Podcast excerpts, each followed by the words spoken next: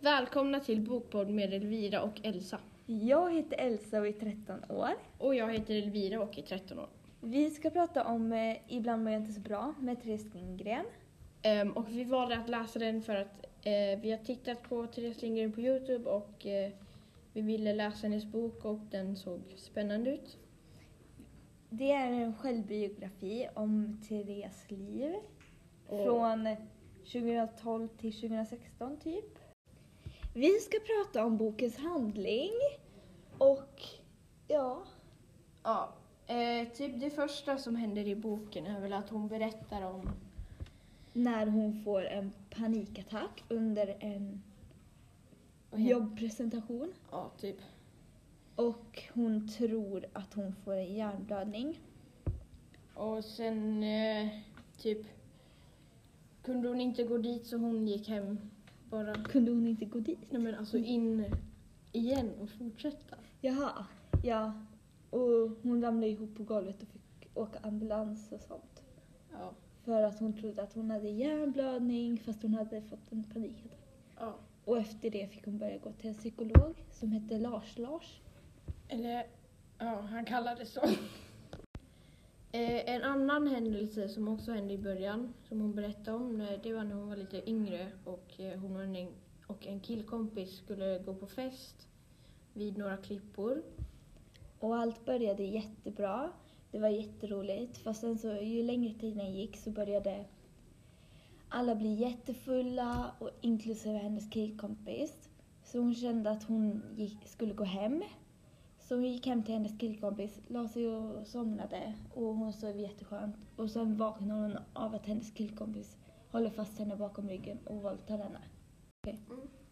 Eh, den händelsen, eh, vad tycker vi om den? Eh, ja, jag tycker det är för jävligt. Nej men alltså det var ju, det är bara konstigt. Alltså, en, speciellt en killkompis, man kan inte... Nej, Fast man kan ändå inte skylla på att man har varit full liksom. nej, för man har ju ändå ett eget ansvar att Ja. inte göra någonting. Och jag tycker så synd om Therese. Ja. Och jag vet inte om ens han blev åtalad för det. Nej, jag, Eller blev han? Jag har ingen aning. Nej. För att det är ju en hemsk händelse, man ska inte behöva bli våldtagen.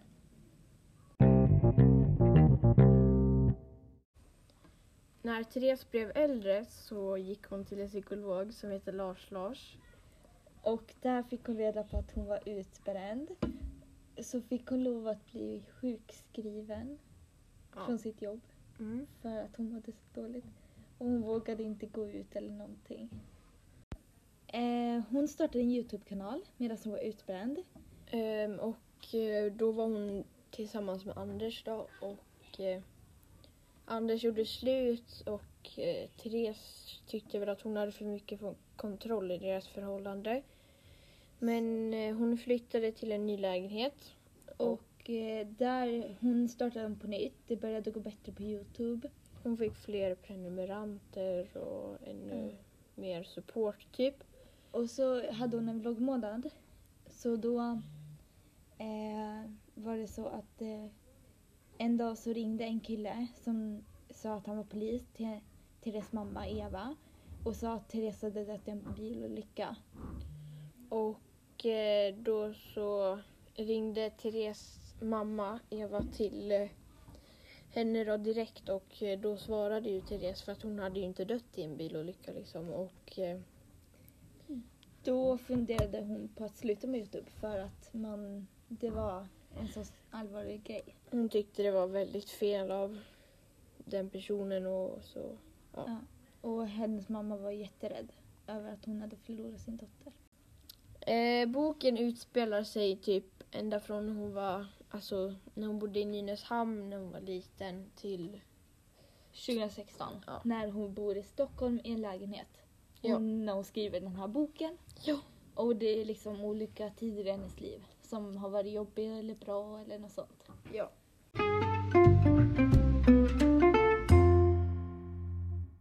Huvudkaraktären i boken är Therese Lindgren som är huvudpersonen. Och eh, Lars Lars som är psykologen.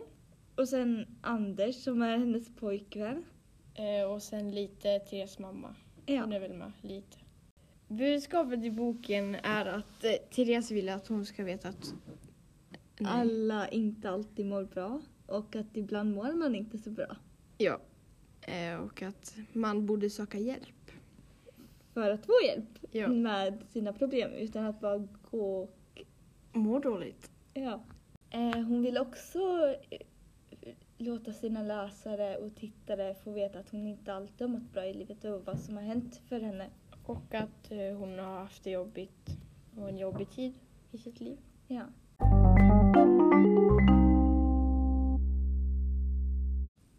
Eh, Therese som är författaren av boken, hon eh, håller fortfarande på med Youtube. Eh, hon eh, håller på med Instagram och sånt shit. Och eh, hon är tillsammans med Anders och de bor i en lägenhet med två hundar som heter, Vad he- Ronja och vad heter den andra? eh, någonting mer. Rasmus, Rasmus. Rasmus. Eh, Och, eh, de har f- sa att de flyttar till en ny lägenhet. ja. Ja, och eh, de är jourhem åt de hundarna. ja. och eh, hon har väl kommit över sin panikångest. Eller? Mm, Hon får ju inte panikattacker längre, nej, jag tror inte det. men hon har väl lite ångest fortfarande. Ja. Alltså. Eh, vi, har ju, vi läste lite av Viktor Frisks bok. Och, alltså, Ja.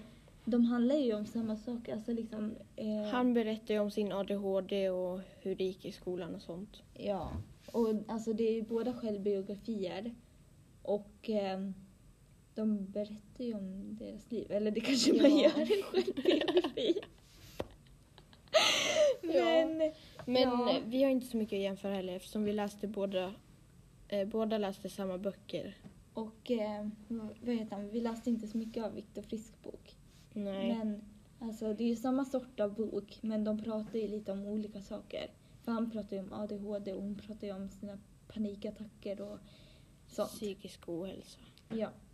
Så Men- det finns inte så jättemycket att jämföra Nej. om. Men jag tyckte att Therese Lindgrens bok var bättre. Ja, jag med. Den var lite roligare. Ja, det var typ mer alltså roligare, så, eller, alltså, Ja. roligare saker. Eh, jag tänker alltså, jag rekommenderar boken till andra.